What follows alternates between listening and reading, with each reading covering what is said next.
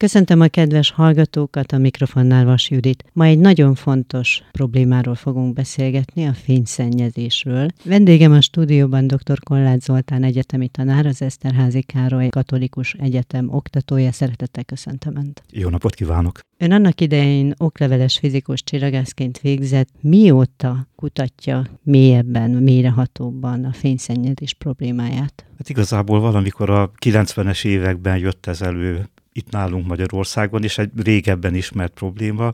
Mivel én csillagászként dolgoztam, ez mindig szembe jött velünk, hogyha valahol világítanak, akkor az égbolt már nem látszik annyira, ami azért probléma, mert a gyermekektől elvesszük a csillagos égbolt látványát, illetve a csillagászatnak meg azért probléma, mert elvesznek tőlünk egy ablakot, ami az égbolt felé irányul. Tehát 90-es években már foglalkoztam vele, akkor vált komolyá, amikor a 2000-es évek elején már voltak konferenciák erről Európában, elindult a Csillagos Égbolt Park mozgalom, és ezt sikerült elég jól ráérezni a legelején, így lett a Zselici Tájvédelmi Körzet Európában az első Csillagos Égbolt Park. Erről is beszélgetünk majd. Mennyire komoly a probléma? Általában a problémákat nem veszük előképpen komolyan, Épp tegnap előtt volt egy csodálatos művésznek, Lauri Andersonnak a koncertje Budapesten a Zeneházában, és neki volt egy olyan rész, ami gyakorlatilag arról szólt, hogy furcsa korban élünk, mert mi vagyunk azok, akik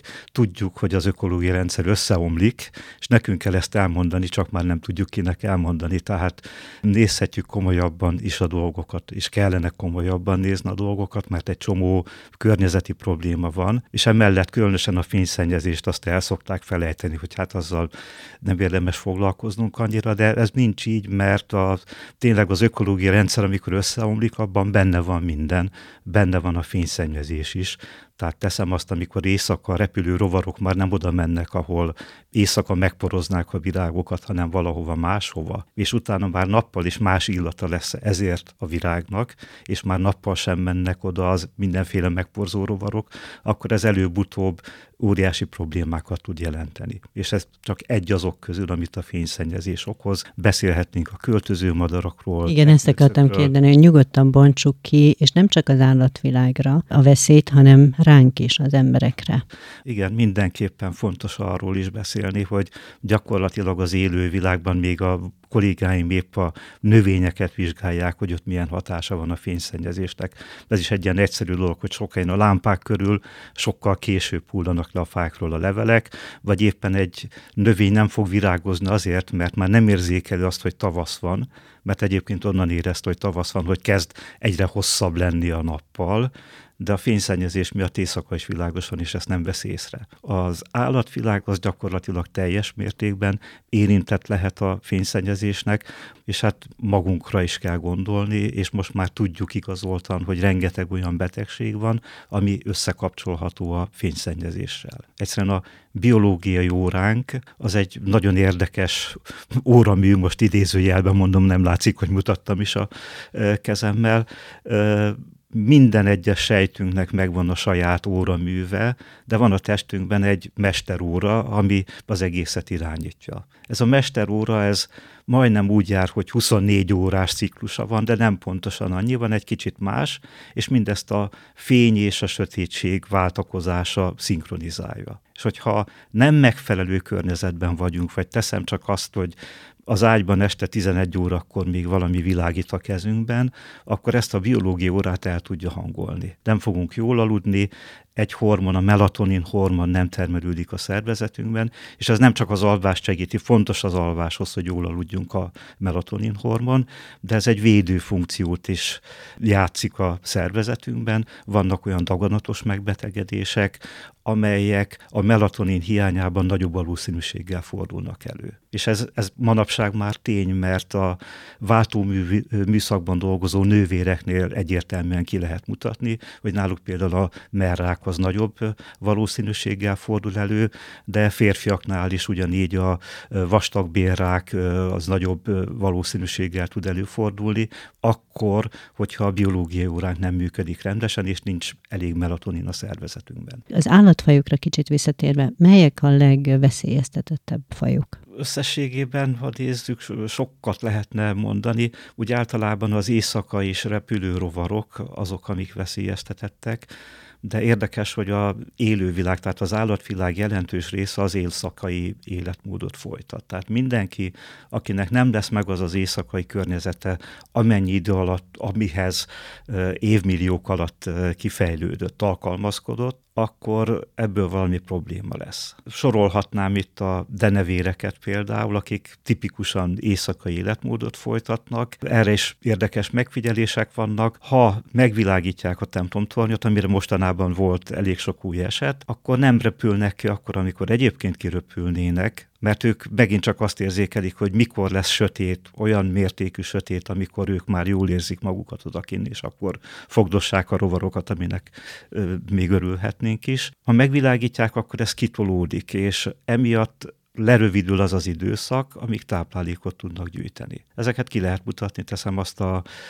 kis denevérek, hogy hogyan növekednek, hogyan nő a csontjuk, hogyan változik a súlyuk, ez mind megfigyelhető, és hogyha nem gyűjtenek kellő mennyiségű zsírt gyakorlatilag a téli időszakra, akkor egy hidegebb időszakban ez pusztulásukhoz is vezethet. És ez csak egy példa volt az élővilágból, ahogy ez így összejön, és tényleg a élővilág az nagyon szépen alkalmazkodott a természetes fényviszonyokhoz. Az egyik legizgalmasabb példa a sok közül azok a ganajtúró bogarak, amit a, szebben hangzik, hogyha Skarabeusznak mondjuk, mert hát az egy isteni rovar is volt gyakorlatilag.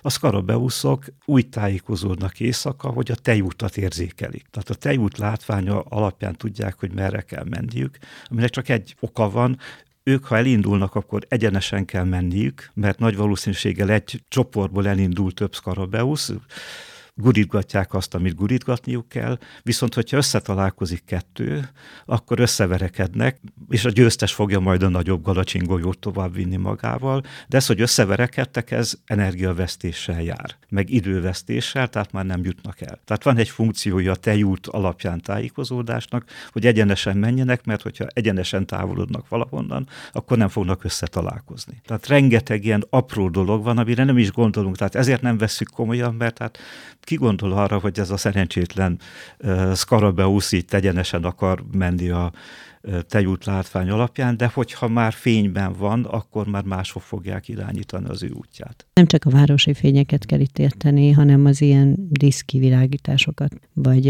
akár a járdán található ilyen kis fényforrásról, amit ön, ha jól tudom, taposóaknáknak nevezett egyszer. Vannak olyanok. Tehát melyek azok a fényforrások, amelyek most a veszély címszó alatt beszéltünk róluk? Hát sok minden van, ahogy említette, és a legnagyobb probléma az, amikor nem oda világítunk, ahol szükség lenne a fényre.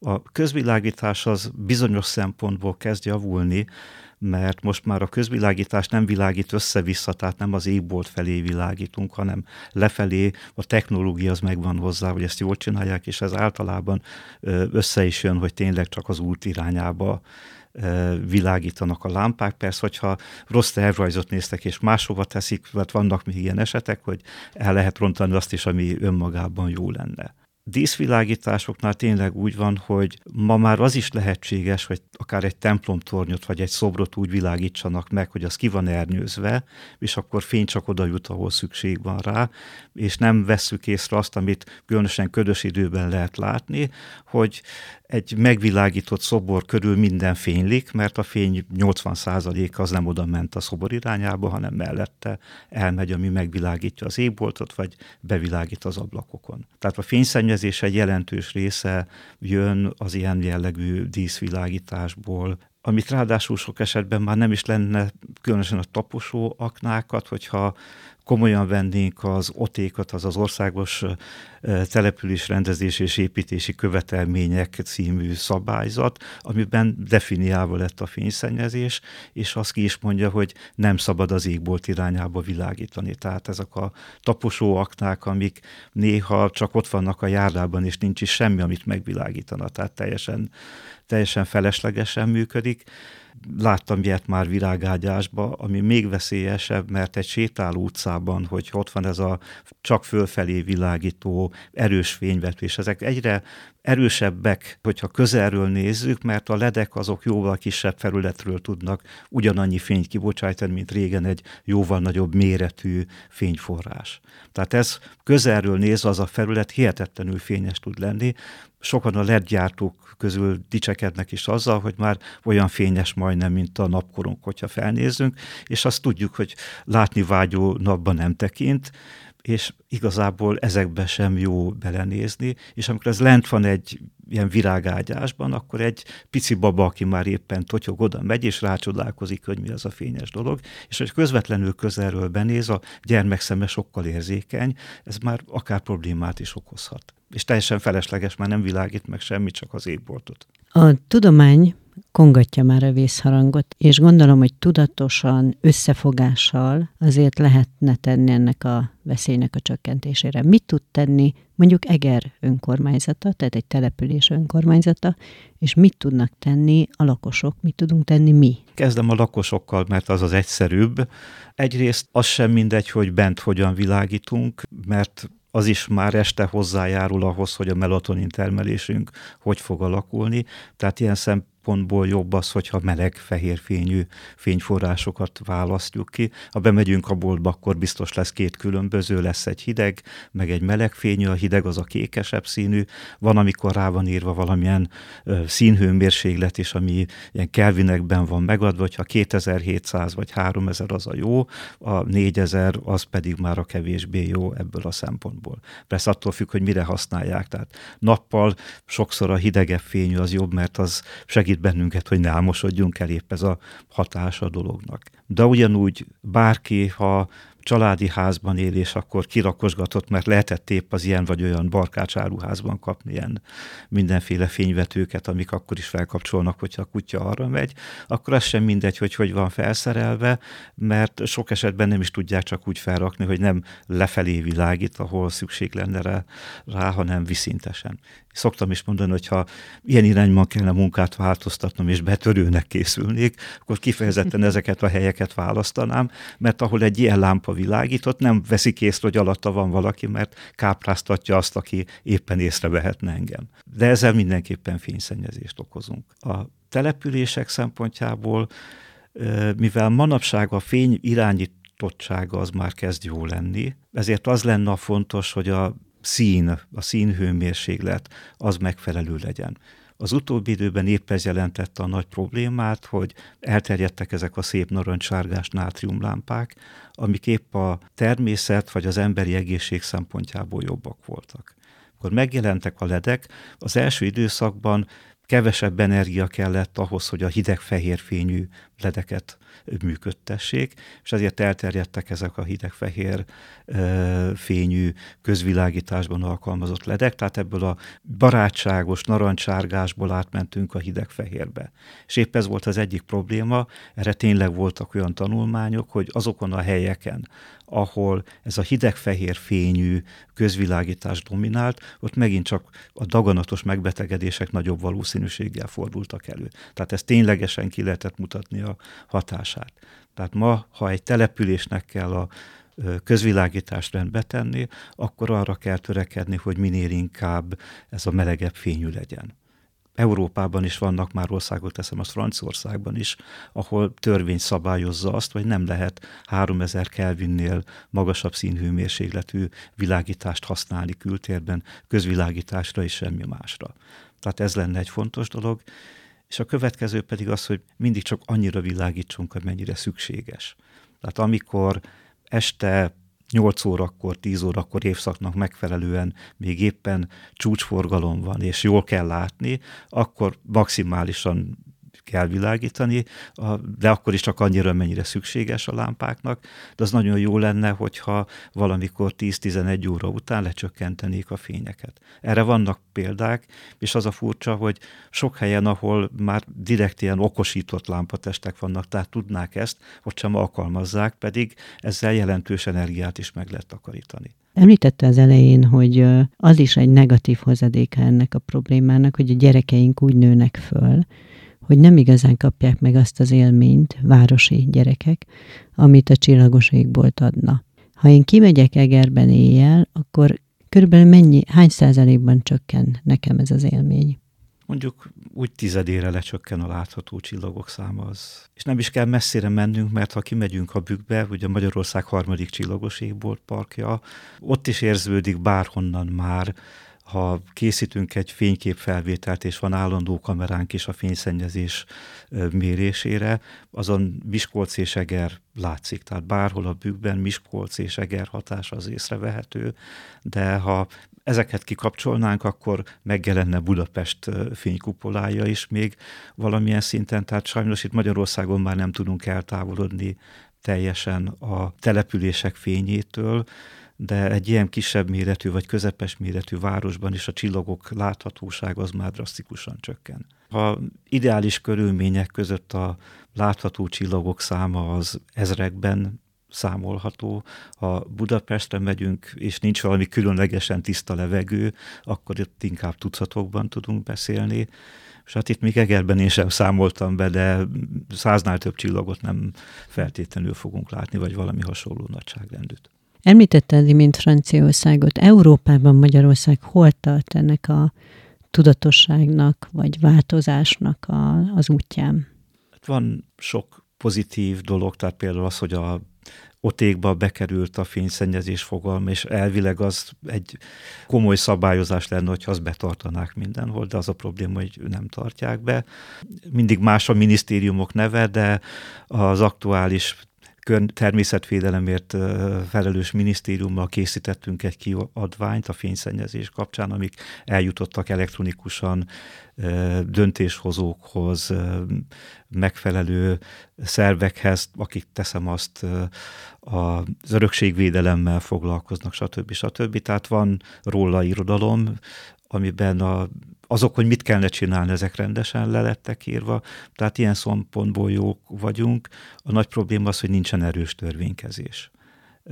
És ráadásul a közvilágításról sincsen törvény, tehát ez valamikor, és már nem is tudom, hogy lehet, hogy már 30 évvel ezelőtt az országgyűlés azt mondta, hogy ez most már nem érvényes, és akkor két éven belül lenne egy újnak, ez azóta sem született meg, tehát nincs Magyarországon olyan törvény, ami a közvilágítás települését rendesen szabályozná. És olyan gyorsan változik a technológia, hogy gyakorlatilag azt már fel kellett volna újítani, mert 30 évvel ezelőtt még nem tudtuk, hogy mi lesz most, milyen lehetőségek lesznek, és a lehetőségek megvannak. Tehát a eszközök ott vannak a kezünkben, amivel lehetne jól világítani, de egy kicsit úgy nyomni kell az embereket, hogy ha itt van a kezünkben a jó is, egy kicsivel többet fizetünk, az pár év múlva megtérül. Volt ennek egy kiállítás a felszínezett fotókról, ha jól emlékszem itt az egyetemem. Ez pontosan mit jelent? Igen, ezt a felszínezettet azt mások adták ennek a képeknek.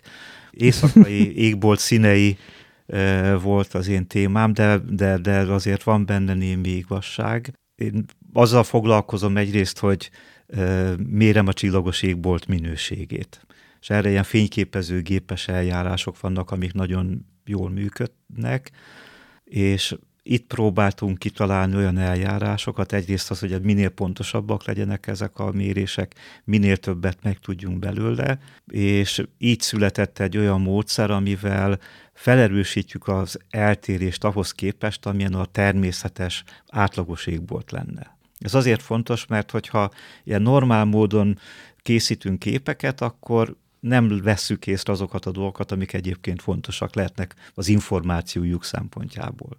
Mert egy példa az, hogy ha megnézzük a neten, hogy mit fotóznak az emberek, vannak asztrofotósok, asztrotájképfotósok, sok-sok szép képet lehet látni, de általában az mondja, ilyen kékes színű az égbolt, ami egy hibás információ, hamis információ, mert éjszaka, hogyha nincsen semmi különleges dolog, nincs pénzszennyezés, akkor az égbolt az nem kékes lenne, hanem barnás narancsos színű. Tehát ez önmagában egy érdekes dolog, amit már száz évvel, bő száz évvel ezelőtt is tudtak páran, de aztán ezt elfelejtették, mert ránézünk Van Gogh festményeire, vagy egy templom kápolnájára, ahol szép kék háttér előtt ott vannak a e, csillagok, tehát így megszoktuk azt, hogy a égboltnak kéknek kell lennie. Barnás fotóval mi nem is találkoztam. Az, azzal nem, legfeljebb az én fotóim között igen, ott elő szokott fordulni, tehát valójában ilyen színű, és mégis, hogyha ezeket így ábrázoljuk, akár kékesnek vagy barnásnak, akkor nem látjuk azt, hogy most van valami érdekes jelenség. Először meg kell mondani, hogy mi az az átlagos égbolt. Ez nagyon sok mérésünk volt benne. Ráadásul rendszeresen mérek egy olyan helyen, nem Magyarországon, hanem egy pár száz kilométerrel arrébb, ahol minimális a fényszennyezés. Ott pedig azt tapasztaltam, hogy akárhányszor mentem, amikor a hatodik alkalommal mentem, akkor is egészen másnak mutatta magát az égbolt. Azért, mert vannak olyan természetes folyamatok, valahol fenn a fejünk fölött 80, 100 vagy 130 kilométer magasan, amiktől a levegő ott fenn magától világít, vagy zöldesen, vagy vörösesen, vagy narancsárgáson, és ezek mindig máshogy jelennek meg. És hát ezért volt fontos ez a, én ilyen hamis színezésnek nevezem, ami csak azért hamis, mert nem a valódi színét mutatja, viszont épp azt megmutatja, hogy most éppen ezek közül, a folyamatok közül, amik ott lehetnek, melyek jelennek meg. És ez egy tudományos módszer, de én eleve fotózok, meg keresem a tudomány és a kultúra közötti, művészetek közötti kapcsolatokat, és akkor rájöttem, hogy ez egy nagyon jó lehetőség arra, hogy az egyébként mérési célból készült fotókból ilyen nagy, nagy nyomatokat lehet készíteni, és akkor megmutatom másoknak is, hogy hogy látszik az én kamerámon keresztül a Csillagos Égbolt. Említette a Csillagos Égbolt parkot. Ennek az ötlete mikor született meg?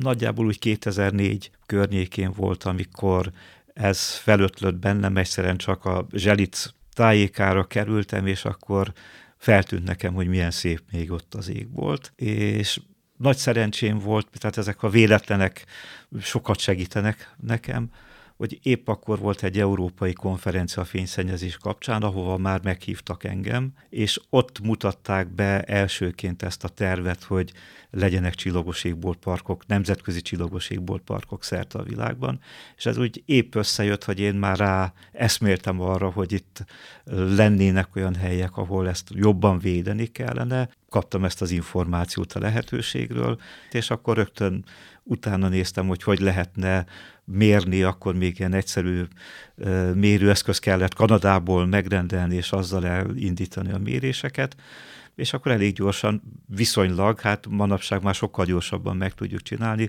Három évet dolgoztunk igazából, hogy minden mérés, minden adat összejöjjön ahhoz, hogy a zselici tájvédelmi körzet felterjeszthető legyen, és akkor már együtt dolgoztunk a Hortobágyi eh, Nemzeti Parkon belül Gyarmati István kollégámmal, aki megint csak érdeklődött ilyen irányba, mi 2009-ben nyertük el a címet, ők pedig, ha jól emlékszem, két évvel később, és akkor valamivel utána jött a Bükk esetében is. Tehát jelenleg három csillagos égboltpark van Magyarországon, vannak, akik felkészülnek, ahol már mértünk is eleget, meg sok minden van, tehát lesznek újabb csillagos égboltparkokban, itt a közelben akár az Aktereki Nemzeti Parknál is lehetne egy csillagos égboltpark, de sok esetben az a probléma, hogy ben vannak a települések, és ezek a kis falvak, amíg nincsen pénzük rá, hogy átalakítsák a közvilágításokat úgy, hogy a nagyon szigorú feltételeknek megfeleljen, addig nem tudjuk komolyan elindítani ezt a folyamatot. Pedig ennek turisztikai szempontból is van vonzereje és értéke, mert gondolom sokan kíváncsiak arra, hogy végre megtapasztalják azt az élményt, ami ugye itt városon belül nem adatik meg.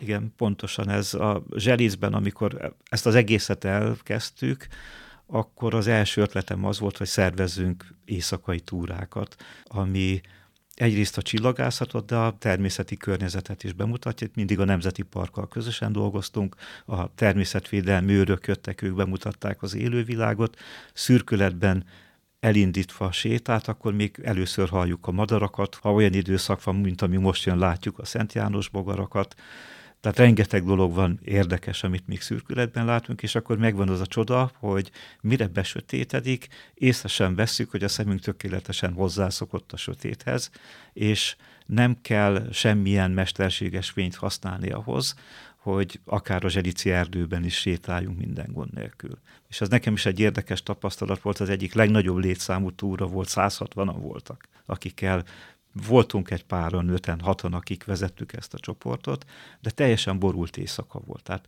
nem láttuk a csillagokat, de mégis mindenkinek egy élmény volt azért, mert megtapasztalták azt, hogy végigmentünk ott 5-6 kilométert úgy, hogy senki nem használt semmilyen fényforrást.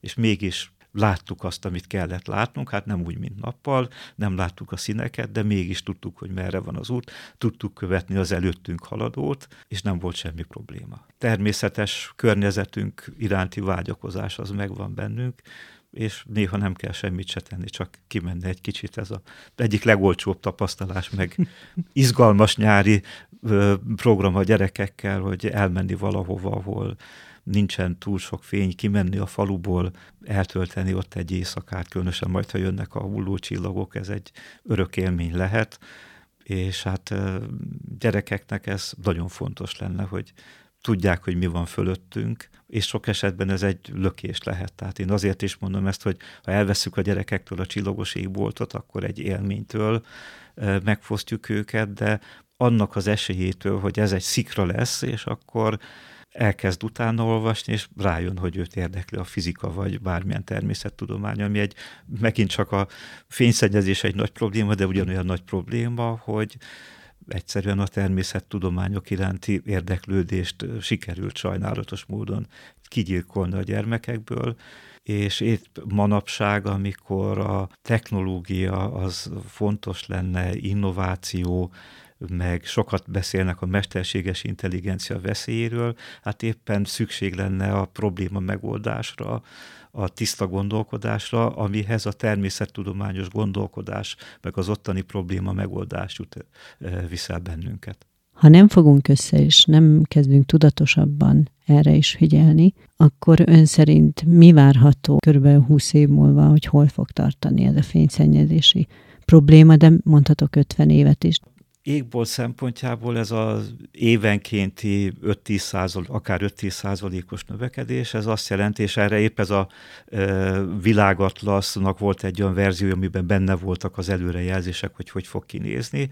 és amikor ezt először készítették, hát most már annak is 20 éve talán, akkor a városok voltak ilyen piros foltok, és 2030-ra, 50-re voltak ilyen előrejelzések, akkor pedig Európa jelentős része már ilyen tiszta vörös volt, ami azt jelenti, hogy ott már biztosan nem lehet látni a tejutat. Az biztos, hogy ha nem változnak ezek a tendenciák, akkor 20 év múlva a tejutat látó emberek azok még kisebb arányban lesznek, akár a népesség egy százaléka ha sikerülne ezt elérni, hogy tényleg a közvilágításban évfél környékén ne világítsunk ugyanúgy, mint este 8 órakor, meg bejönne ez a sárgásabb fényű világítás, az is sokat segítene, akkor ezt vissza lehetne forgatni. De most még ezt a visszafordulást nem látom.